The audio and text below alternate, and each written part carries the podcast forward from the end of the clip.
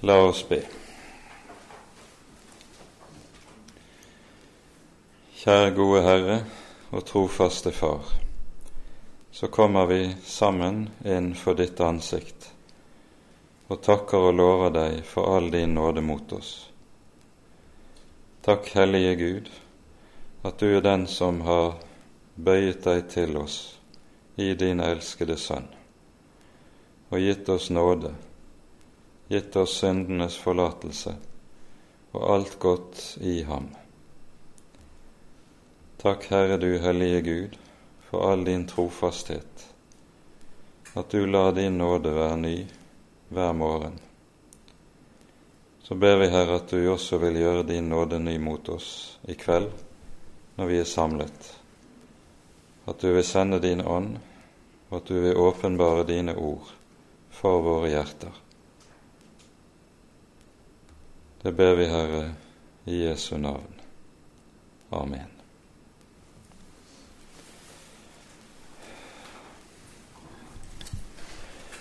Vi begynner da med at vi leser fra begynnelsen av kapittel 32 i Annen Mosebok. Ehm, vi leser ikke hele kapittelet, men det meste av kapittelet nå innledningsvis i Jesu navn. Men da folket så at Moses drøyet med å komme ned fra fjellet, samlet folket seg om Aron og sa til ham, Kom, lag en gud for oss, en som kan dra frem foran oss. For denne Moses, han som førte oss opp fra landet Egypt, vi vet ikke hva det er blitt av ham. Da sa Aron til dem, ta gullringene som konene, sønnene og døtrene deres har i ørene, og kom til meg med dem. Da tok alt folket gullringene ut av ørene og kom til Aron med dem. Han tok imot gullet og støpte det om og laget det med meiselen til en kalv. Så sa de, Dette er din Gud Israel, som førte deg opp fra landet Egypt. Da Aron så dette, bygget han et alter for den og lot utrope:" I morgen er det høytid for Herren. Dagen etter sto de tidlig opp og ofret brennoffer og bar frem fredsoffer. Folket satte seg ned for å ete og drikke og sto opp for å leke. Da sa Herren til Moses, Skynd deg og stig ned. Ditt folk, som du har ført opp fra landet Egypt, har gjort en skammelig ting. De har allerede veket av fra den veien jeg bød dem å vandre. De har gjort seg en støpt kalv. Den har de tilbedt og ofret til og sagt, Dette er guden din, Israel, som førte deg opp fra landet Egypt. Og Herren sa til Moses, Jeg har holdt øye med dette folket og sett at det er et hårnakket folk. La nå meg få råde, så min vrede kan bli opptent imot dem, og jeg kan ødelegge dem. Så vil jeg gjøre deg til et stort folk. Men Moses bønnfalt Herren sin Gud og sa:" Herre, hvorfor skal din vrede bli opptent mot ditt folk, som du har ført ut av landet Egypt med stor kraft og med veldig hånd? Hvorfor skal egypterne si, til ulykke har han ført dem ut? Han ville slå dem i hjel i fjellene og utrydde dem fra jorden. Vend om fra din brennende vrede og angre det onde du har tenkt å gjøre mot ditt folk. Kom i hu dine tjenere Abraham, Isak og Israel. Til dem har du sagt og sverget ved deg selv. Jeg vil gjøre deres ett tallrik som stjernene på himmelen. Og hele dette land som jeg har talt om, vil jeg gi deres ett. De skal eie det til evig tid. Så angret Herren det onde han hadde talt om å gjøre mot sitt folk. Og Moses vendte seg og gikk ned fra fjellet med vitnesbyrdets to tavler i hånd. Det var skrevet på begge sider av tavlene, både på forsiden og baksiden var det skrevet. Tavlene var Guds arbeid, og Skriften var Guds skrift, som var risset inn på tavlene. Da Josva hørte hvordan folket støyet og skrek, sa han til Moses:" Det lyder krigsrop i leiren. Men Moses svarte, Det lyder ikke som seiersrop, og heller ikke som skrik over nederlag. Der lyder sang jeg hører. Men da Moses kom ned til leiren, så han kalven og dansen. Da ble hans vrede opptent. Han kastet tavlene fra seg og slo dem i stykker ved foten av fjellet. Så tok han kalven som de hadde laget. Han kastet den på ilden og knuste den så den ble til støv. Støvet strødde han på vannet og ga Israels barn det å drikke. Så sa Moses til Aron, Hva har dette folk gjort deg, siden du har ført så stor en synd over det? Aron svarte, Bli ikke vred, Herre.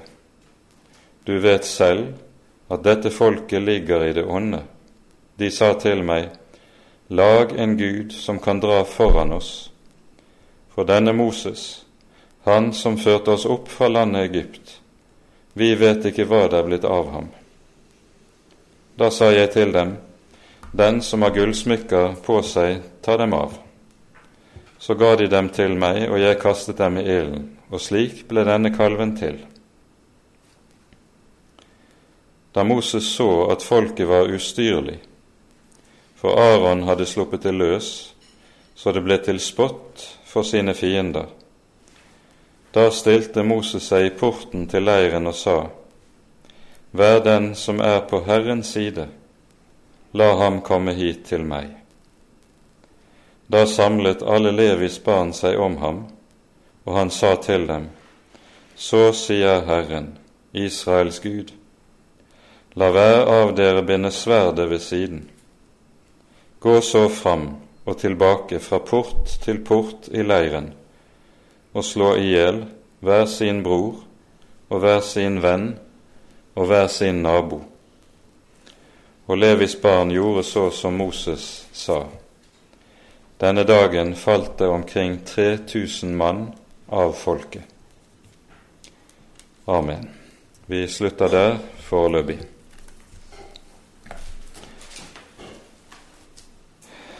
Det er underlig å lese denne fortellingen når vi ser den i sammenheng med det vi har hørt tidligere i Andre Mosebok. I kapittel 19 hører vi at Moses stiger opp på fjellet og kommer ned igjen til folket med følgende ord.: Dersom dere vil ta vare på Herrens ord, ta vare på Hans pakt, da skal dere være Hans eiendomsfolk fremfor alle folk, og dere skal være et hellig folk og et kongerike av prester. Og så svarer folket, alt det Herren har talt, vil vi gjøre. Noen kapitler senere, når vi kommer til kapittel 24 og hører om inngåelsen av pakten, så lyder de samme ordene fra folkets munn to ganger. Alt det Herren har talt, vil vi gjøre og lyde, sies det og som et høytidelig løfte fra folket idet pakten skal sluttes. Så går det knappe 40 dager, og så går dansen rundt gullkalven. Og så må man spørre seg hva er dette for noe? Det vi jo møter her, er det som vi på ny og på ny møter under Israels ørkenvandring at hver gang folket stilles på prøve, faller de. Det hører vi allerede om før de kommer til Sinai, og det samme gjentar seg på ny og på ny senere under ørkenvandringen. Men dette fallet vi hører om her, er vel det dypeste av Israels fall. Og vi forstår den slags ord og løfter som kommer over Israels lepper. Alt det Herren har sagt, vil vi gjøre. Det er fint lite verd. Og dette skal minne oss om en sak som er nokså avgjørende, men lite påaktet i våre dager, nemlig at å tale store ord på egne vegne om egen kristendom og hva en selv vil være å gjøre som kristen, det skal en holde seg fra. Det vi skal tale, kunne tale store ord om, det er Herren, og hva Han har gjort, og det Han er. Om oss selv skal vi tale ganske lavmælt, for vi er ikke til å stole på. Der er et mørke i oss i og med synden som bor i oss, som gjør at du og jeg ikke er til å stole på. Derfor skal de store ord når det gjelder oss selv og vårt eget, ikke være noe som hører hjemme i vår munn. Dessverre hører vi at en god del av det som vi møter av moderne lovsanger i dag, i den såkalte lovsangsbølgen, der tales det altfor meget av den slags. Det tales høyt og veldig om hvor meget en elsker Jesus, og hvor meget en elsker Gud. Jeg tror at slik kan mennesker kun tale dersom de ikke kjenner seg selv. Den som kjenner seg selv, taler meget forsiktig på egne vegne. Nok om det. Det som nå er den prøven Israel står under ved Sinai, det er at etter at loven er gitt, etter at pakten er sluttet, så går Moses opp på Sinai berg og blir der i 40 dager og 40 netter. Folket vet ikke hvor lenge Moses skal bli borte. De ser bare at han stiger opp til Herren, og han overgir myndigheten til, i, i folket til Aron og Hor, som er hans medarbeider. Og så blir Moses borte. Den ene dag følger den annen, og ingenting skjer. Det eneste folket ser, det er det som står i slutten av kapittel 24 her i annen Mosebok. Det står i vers 17 der synet av Herrens herlighet var for Israels barns øyne som en fortærende ild på toppen av fjellet. Det ser folket. Og så blir Moses vekke. Han kommer ikke tilbake. Hadde det bare gått én uke, så skulle vi ikke sagt noe.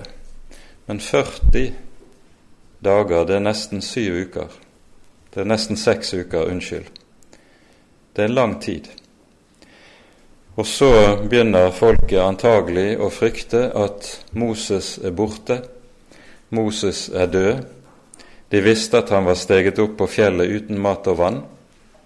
Ingen kan leve 40 dager uten mat og vann. Moses er borte. Nå må vi finne en annen som kan lede oss og hjelpe oss. Og det vi ser i dette, det er noe som er vi møter ganske hyppig i Guds ord, nemlig det at ventetid, det er prøvetid. Det er sånn, og det ser vi gjentatte ganger i Skriften, at det å vente, det er meget, meget vanskeligere enn det å gjøre noe, det å foreta seg et eller annet. Dette ser vi skje hos Abraham. Vi ser det komme til syne hos en Saul.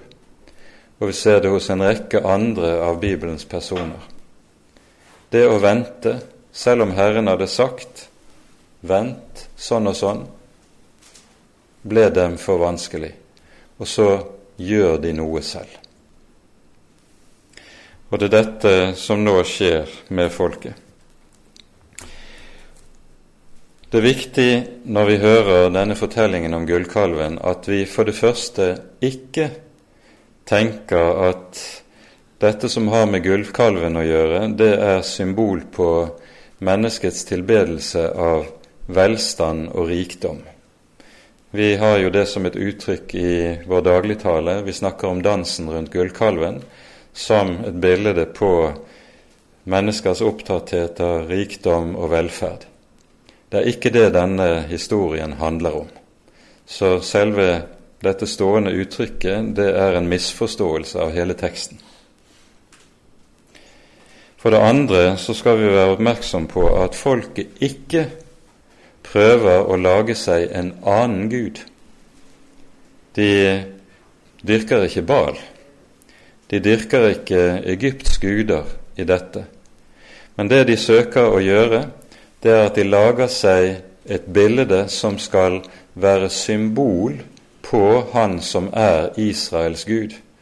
Og det hører vi jo veldig tydelig når kalven er ferdigstilt så sier folket, 'Dette er Herren din Gud, som førte deg opp fra Egyptens land'. De har ikke laget seg andre guder. Men det de gjør, det er at de altså lager seg et bilde som skal symbolisere Israels Gud, og slik symbolisere Guds nærvær i folket. Og så må vi spørre hva er dette for noe? Det vi står overfor her, det er noe som har vært en stadig fristelse for Guds folk gjennom hele historien, og som uttrykkes ved hjelp av fremmedordet synkretisme, religionsblanding. Det en gjør, det er at en blander det som Bibelen har åpenbart om hvem Herren er, med hedenske tanker, tanker hentet fra hedenskapet, slik at Gud så å si omstøpes i hedenskapets bilde. Oksekalven det er antagelig en velvoksen oksekalv det handler om. Når Israel lager dette, så er det et bilde som er meget nærliggende for dem. De kom fra Egypt, og i Egypt dyrket man Apis, som nettopp var eh, en gud som var fremsto under bildet av en okse. Oksen er bildet på styrke, oksen er bildet på fruktbarhet, og nettopp disse tankene skulle også være det som symboliserte hvem Israels Gud var.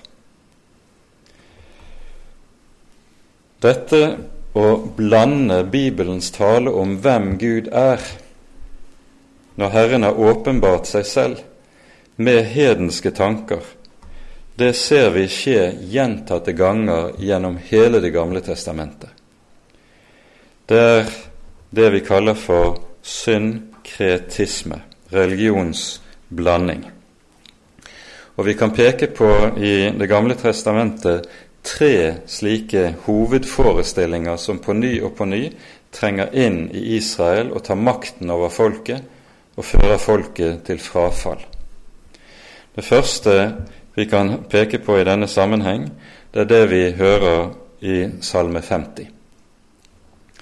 I Salme 50 det, hører vi tale om at der er dukket opp den forestilling i Israel at når folket skal ofre i Herrens tempel, så er ofrene Guds mat. For slik tenkte man, det var helt vanlig og utbredt forestilling i hedenskapet, at når man ofret til gudene, så var ofrene gudenes mat. Du kan høre det fortelles i, i uh, babylonske tekster at når en av de gamle heltene hadde ofret, så stimlet gudene sammen om offeret som fluene over et kadaver. Dette er bildet som ble brukt. Og så fikk gudene sin mat. Og dette å gi gudene mat på denne måten, det var betingelsen for at gudene også kunne komme med en gjenytelse, hjelpe, beskytte og trøste og styrke de som dyrket gudene. Så det var en sånn kjøp og, uh, og en sånn handelsforhold uh, til gudene. Jeg gir sånn, og så får jeg det og det til gjengjeld. Denne forestillingen tas opp i Salme 50, og Gud sier til folket om jeg virkelig hungret, vil jeg ikke si det til deg. Skulle jeg ete oksers kjøtt, drikke bukkers blod? Gud er Gud, og han trenger intet fra oss. Og så sier han, meg hører all jorden til. Om det var så at jeg sultet, så kunne jeg hente hva jeg ville i marken og på fjellene. Men jeg trenger det overhodet ikke. Denne tenkning trengte altså inn i Israel og ødela forståelsen av ofrene som nådemidler. Det andre som vi kan peke på i denne sammenheng, og som dukker opp stadig, og da gjelder det kanskje ganske særlig i Nordriket, det hører vi i Hosea-boken i kapittel 2, der Herren sier til folket, når han taler om både den dom og den frelse han vil sende til folket, så sier han etter at han har ført dem gjennom dommen, da skal folket ikke lenger rope til meg og si:" min Baal.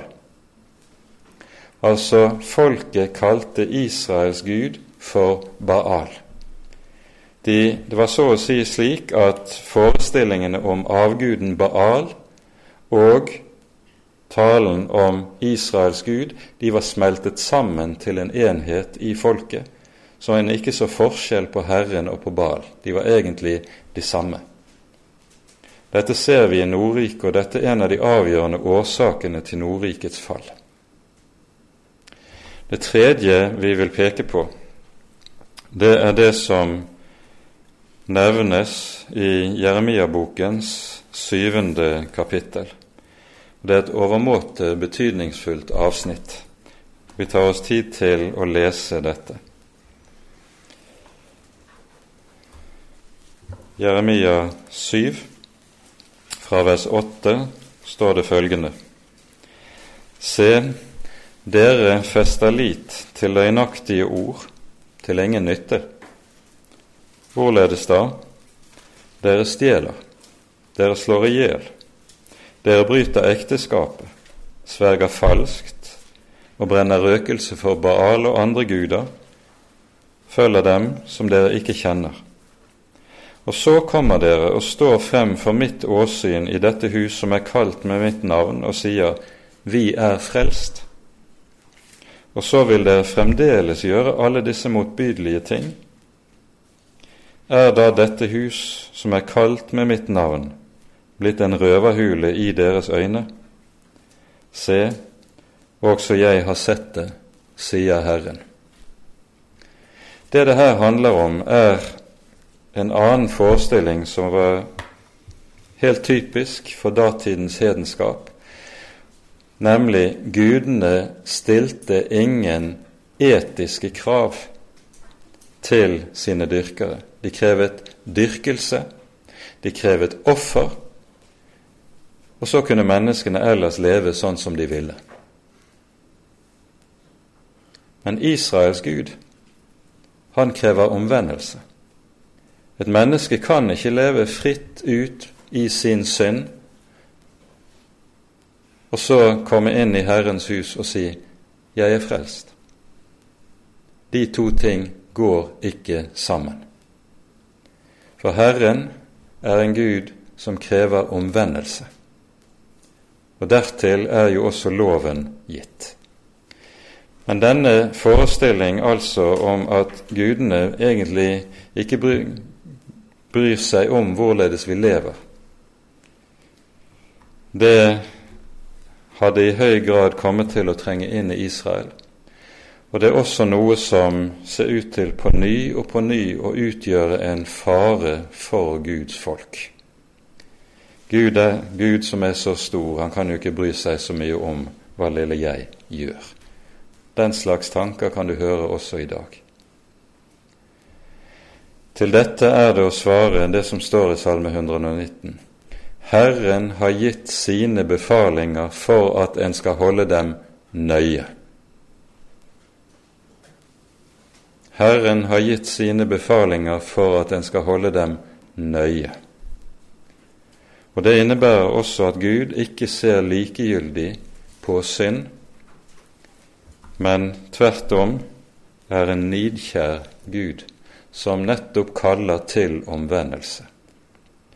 Og dertil har han altså gitt sin hellige lov. Dette siste som vi her er inne på, det ser vi komme til å utfolde seg ved dansen rundt gullkalven ved her ved Sinai.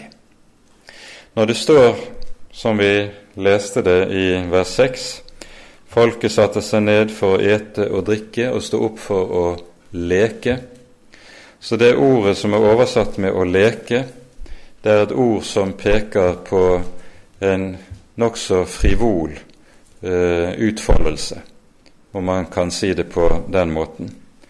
Enda tydeligere kommer dette frem i vers 25 der står det da Moses så at folket var ustyrlig. Det ordet som brukes, og som er oversatt som ustyrlig, det er et verb som egentlig betyr å løse båndene. En er altså blitt tøylesløs. Det er ikke lenger noen bud som setter grenser for hvorledes en kan leve, hvorledes en skal handle og utfolde seg. Og så er tøylesløsheten kommet inn. Og så ser vi at dette som her skjer, denne synkretisme som vi her er inne på, det er noe som ikke bare kommer til å gjelde hvilke tanker et menneske gjør seg om hvem Gud er, hvorledes Gud er. Men det kommer også til å gjøre seg gjeldende i forhold til tilbedelsen, nemlig hvorledes Gud dyrkes. Altså om du vil, gudstjenesteformen. Synkretisme er altså ikke noe som bare så å si er et teoretisk teologisk anleggende, men er noe som kommer til uttrykk også i det som har med gudstjenesteform å gjøre. Og Her er jo nettopp det som vi har hørt i forbindelse med hvorledes tabernaklet skal reises, avgjørende å ha i minne. For det som tabernaklet skal minne om, det er to grunnleggende hovedsaker. For det første at den Gud som vi har med å gjøre, han er en hellig Gud. Han er den hellige. Og for det andre at denne hellige Gud kan en utelukkende ha med å gjøre på forsoningens grunn. Og Derfor innstiftes altså forsoningens tjeneste. Det innebærer at Israels gudstjeneste og gudstjenesteform kommer til å bli fundamentalt annerledes enn det du ser i Israels eh, omkringliggende hedenskap. Den løslupne eller tøylesløse gudsdyrkelsen som vi her finner beskrevet, den er den du finner i dyrkelsen av Bal og Astarte hos kananittene. Det er den du finner i dyrkelsen av Marduk i Babel. Det er den man likeledes fant i egyptisk gudsdyrkelse, der gudsdyrkelsen var paret med ulike former for seksuelle utskeielser. Dette var ganske vanlig. Når Moses kommer ned fra fjellet, hører vi det også lyde fra Josvas munn.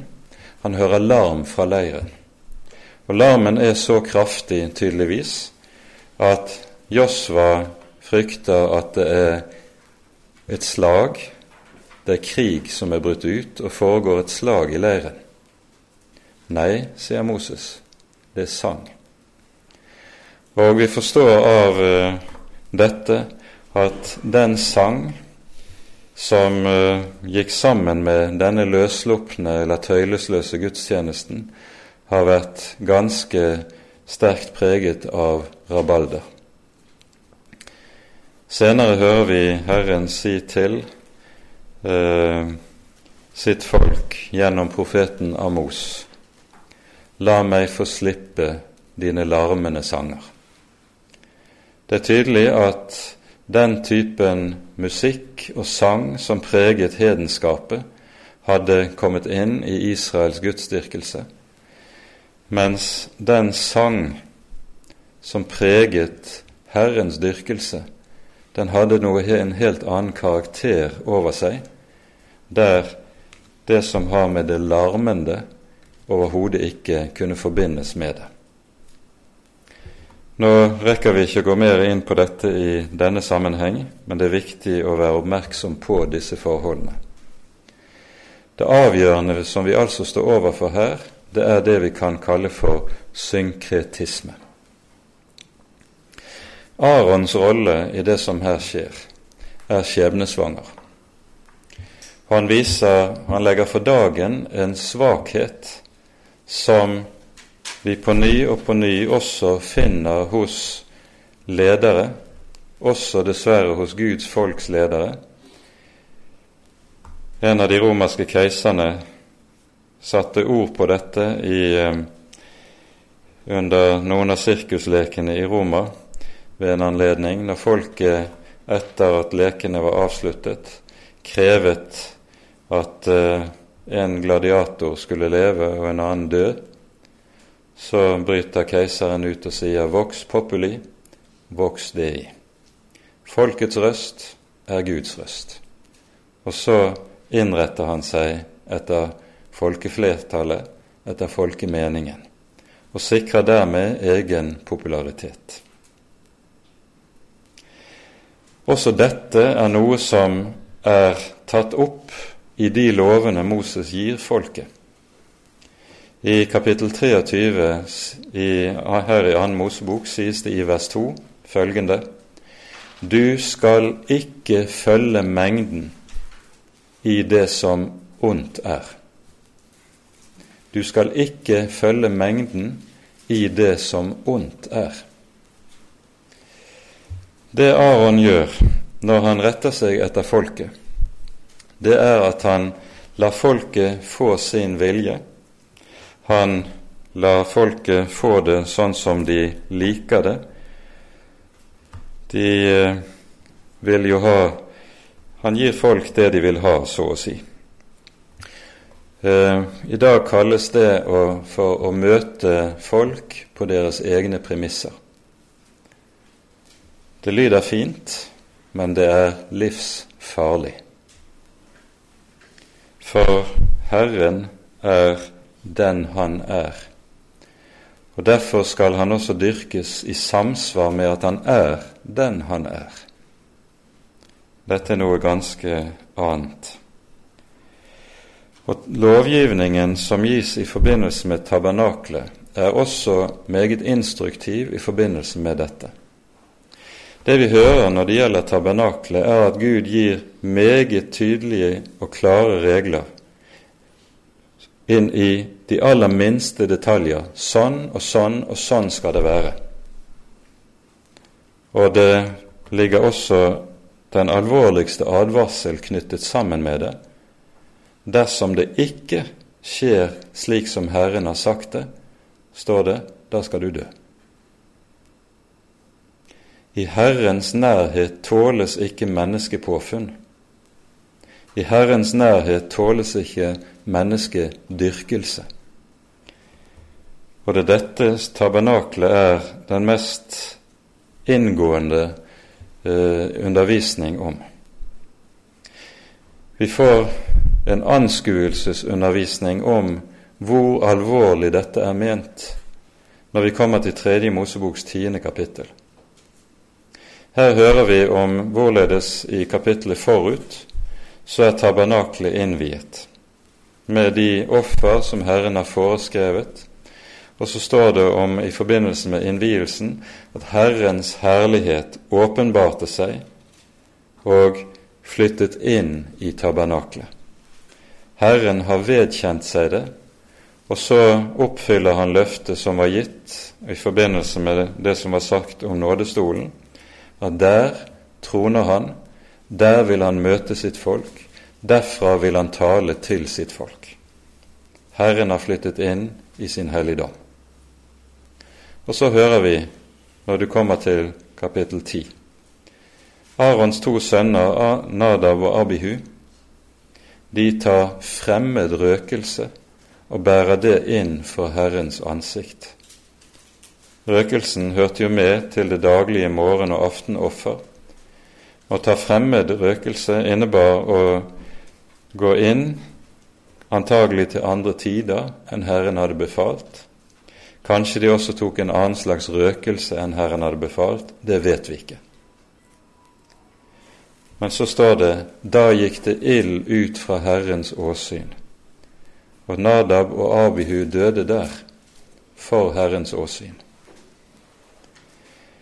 De to Arons sønner var antagelig opptent av inderlig begeistring over det de nå hadde opplevd i forbindelse med innvielsen av tabernaklet. Og så i sin religiøse begeistring ønsker de altså å gå inn i en tilbedelse og dyrkelse av Herren som Han ikke har befalt. Og så skjer det vi her hører. Det understrekes med en voldsom kraft med en sånn fortelling. Menneskepåfunn godtas ikke i Herrens nærhet.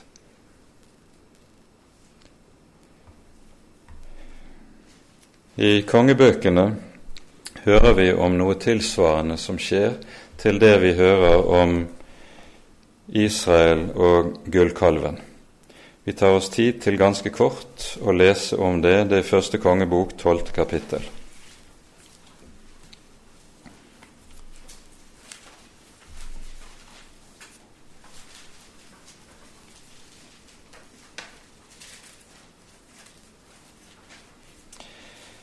Det er jo slik at etter Salomos død så deles Israels rike i to, i Nordriket og i Sydriket. I Sydriket blir Salomos eldste sønn konge. I Nordriket reiser Gud opp en mann av Efraims stamme som heter Jeroboam. Og uh, han blir da konge i Nordriket, og så sies, hører vi fra vers 26 i første kongebok 12. Jeroboam tenkte ved seg selv. Riket kunne snart komme tilbake til Davids hus. Dersom dette folk drar opp for å bære frem offer i Herrens hus i Jerusalem, så vil deres hjerte igjen vende seg til deres herre Rehabeam, som altså er Salomos sønn, og Judas konge. Og så vil de drepe meg og vende tilbake til Judas konge Rehabeam. Kongen holdt rådslagning.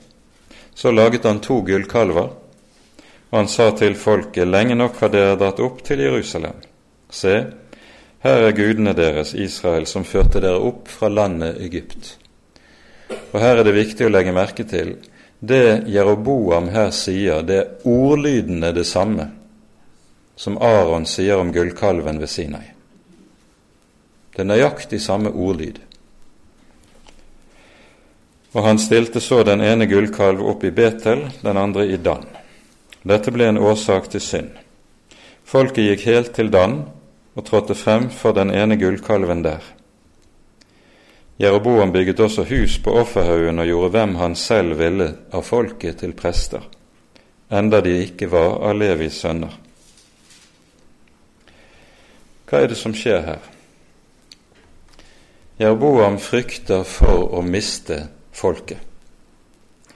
Og for at han ikke skal miste folket, så setter han i gang en gudstjeneste, en gudsdyrkelse, som passer folket, som er meget enklere å forholde seg til enn den gudstjeneste som foregår i Jerusalem. Han populariserer hele gudsdyrkelsen, innstifter en gudsdyrkelse etter folks ønsker og behov. Det er meget mer populært. Så gir han folk det de vil ha, og så kan han holde på folket. Dette er på ny og på ny noe som vi også ser i Guds folks liv.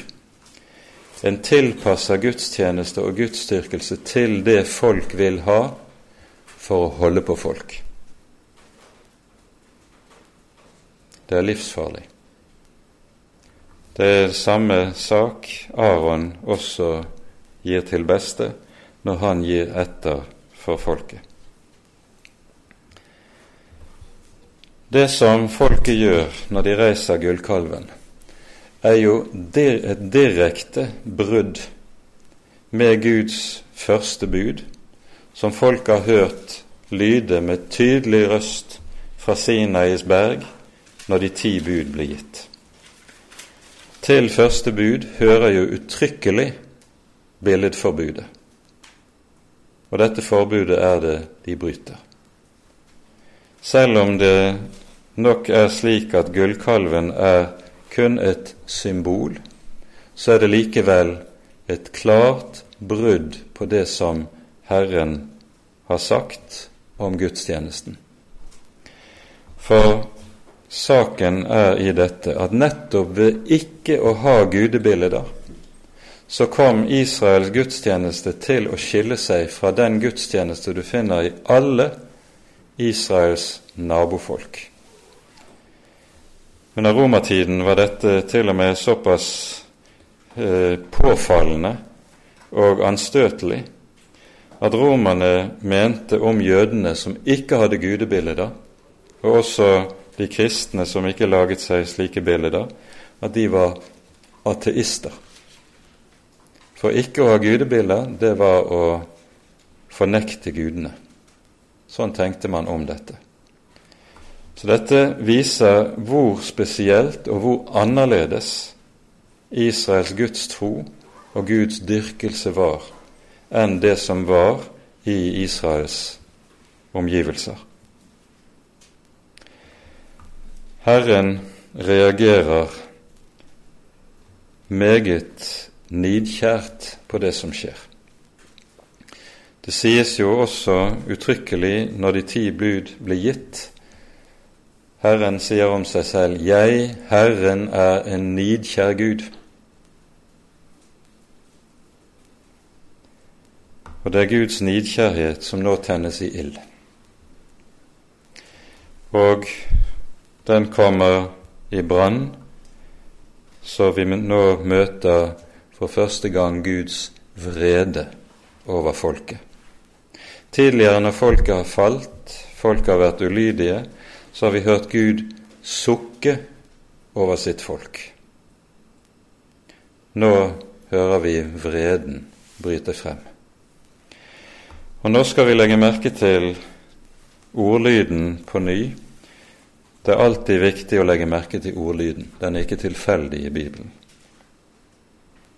Først han, gir han Moses til kjenne hva det som har skjedd nede i leiren, og sender Moses ned igjen i hast. Så sies det ifra vers 9.: Herren sa til Moses, Jeg har holdt øye med dette folk og sett at det er et hårnakket folk. La nå meg få råde, så min vrede kan bli opptent imot dem, og jeg kan ødelegge dem så vil jeg gjøre deg til et stort folk. Dette uttrykket nå, som er oversatt her, 'la nå meg få råde', etter grunnteksten så står det bokstavelig 'la nå meg være alene'. Og det det henspiller på, det er det som Moses gjør i fortsettelsen. Han lar ikke Gud være alene, men hans Moses stiller seg opp mellom Herren og folket.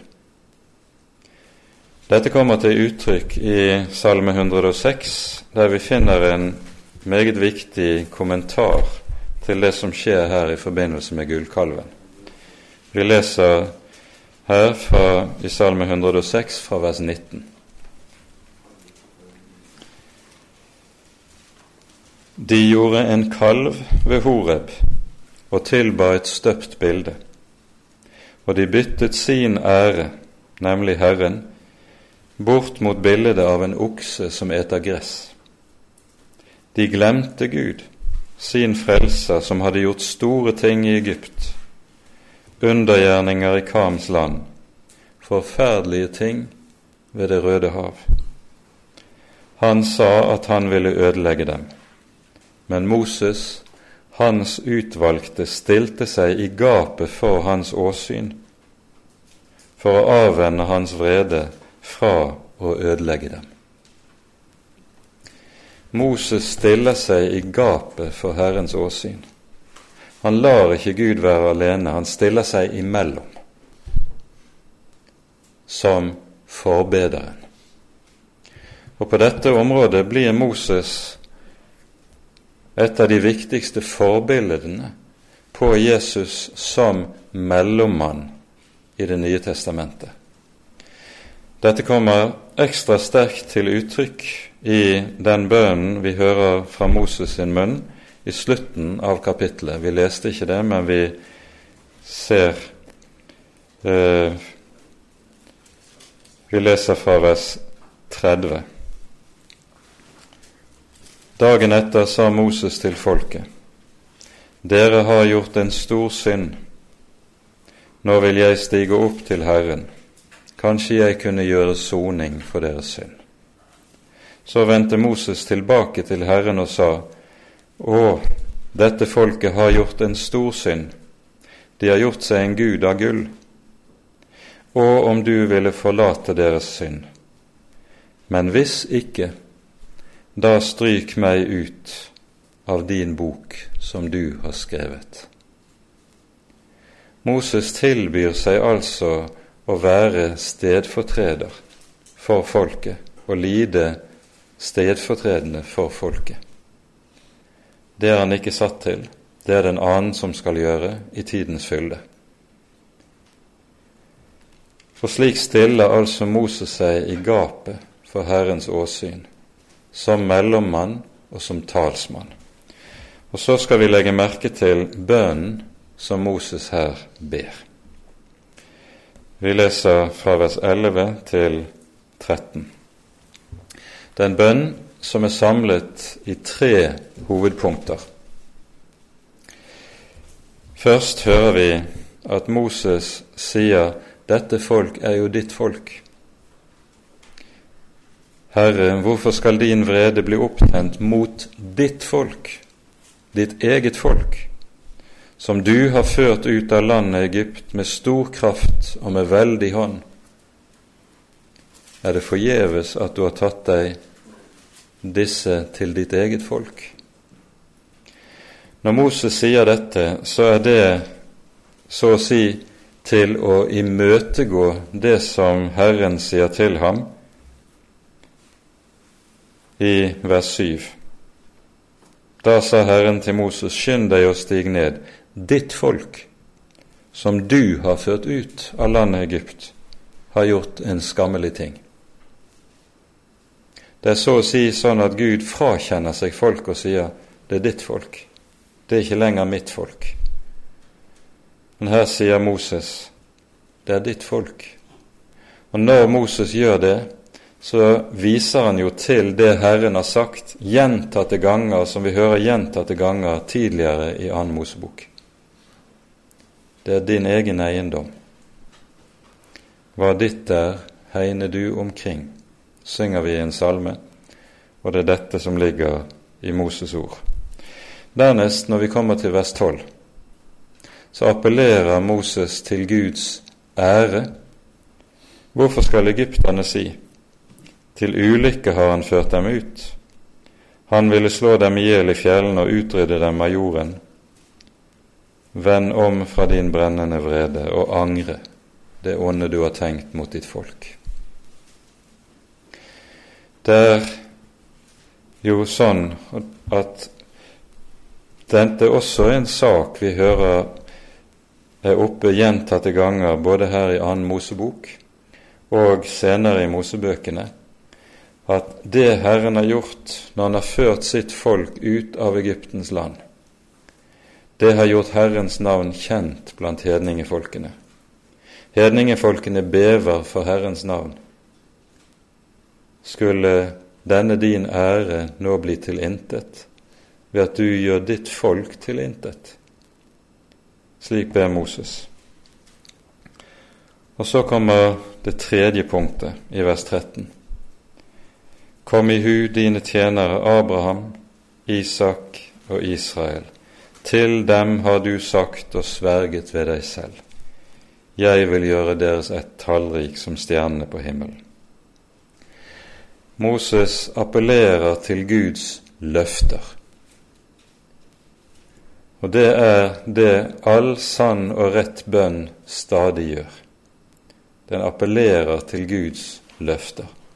Du har jo selv sagt, du har jo selv lovet. Hvordan kan du da gjøre noe annet enn det du har lovet og sagt? Her er det viktig å merke seg hvorledes jødisk tradisjon skiller seg fra en sånn forståelse av vers 13. Hos rabbinerne er det slik at de, når de leser et sånt ord som vi hører her i vers 13, så tar, sier de at årsaken til at Gud ser i nåde til sitt folk, det er fedrenes fortjenester. Det er den gjerningslære som ligger i eh, lovtrelldommen, som kommer til uttrykk i at man taler om fedrenes fortjenester. Men det er jo ikke det Moses viser til. Det han viser til, er ikke fedrenes fortjenester, men er Guds løfter. Du har jo selv sagt du er en Gud som er sandru. Du er en Gud som våker over dine ord for at de ikke skal bli til intet. Da må du også gjøre det du har sagt og gjøre din vrede til intet. Slik ber Moses. Og slik stiller han seg i gapet for Herrens åsyn og blir en talsmann som er forbildet på han om hvem det står i 1. Johannes brev 2. Dersom noen synder, da har vi en talsmann hos Faderen, Jesus Kristus den rettferdige og han er en soning for våre synder. Ja, ikke bare for våre, men òg for hele verdens. En sånn talsmann er det altså Moses opptrer som her, og som altså blir et forbilde på vår Herre Jesus. Vi møter noe av dette også en gang senere i eh, det gamle testamentet hos profeten Esekiel i kapittel 22. Her er det tale om den dom som forestår Jerusalem og Juda når babylonerne står for døren og er i ferd med å føre Israel i fangenskap, føre Det gammeltestament, gjøre det gammeltestamentlige Israel til intet. Så står det i vers 30 i Esekiel 22. Jeg lette, sier Herren, jeg lette blant dem etter en mann som ville mure opp en mur og stille seg i gapet for mitt åsyn til vern for landet, så jeg ikke skulle ødelegge det. Men jeg fant ingen. Det er et vemodig ord. Det er ikke lenger noen som ber i landet. Og så står dommen for døren. Moses er en slik som stilte seg i gapet for Herrens åsyn. Og så avvente han Herrens vrede.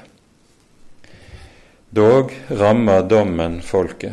Vi hører om 3000 som faller denne dagen når Moses kommer ned. Grunnen til at disse 3000 faller, ligger jo i dette at selv når Moses er kommet ned, og det store flertall av folket så å si har sømmet seg og sanset seg, gått inn i sine telt der de skammer seg over hva de har gjort, så er det en gruppe i folket som er så grepet av religiøs ekstase, tøylesløse, at det er ingenting som kan stanse dem i denne utskeielsen som de er begynt i. Og så rammer dommen disse. Det er det det handler om i den sammenheng, og det var ikke få som falt. Og så gjør dette klart for oss det som Skriften stadig understreker for oss syndens lønn er døden. Syndens lønn er døden. Og det som er selve grunnsynden i Bibelen, det er synden mot det første bud. Det er, det som, det er denne synden som ofte kalles synd i ordets absolutte forstand. Det kan en se i en rekke sammenhenger i Det gamle testamentet. Det er dette som er selve grunnsynden. Med dette tror jeg vi setter punktum for i dag. Vi rekker ikke å komme videre. Det vi nok må gjøre neste gang, det er å ta for oss kapittel 33 og 34, der vi hører helt spesielle avsnitt i Skriften som ikke har sin like. Det gjelder både Moses' bønn, som vi får høre i Eller bønnekamp, som vi får være vitne til i kapittel 33, og Herrens fornyede åpenbaring i kapittel 34. Men vi setter punktum for dette i kveld. Ære være Faderen og Sønnen og Den hellige ånd, som var og er og være skal, en sann Gud, høylovet i evighet. Amen.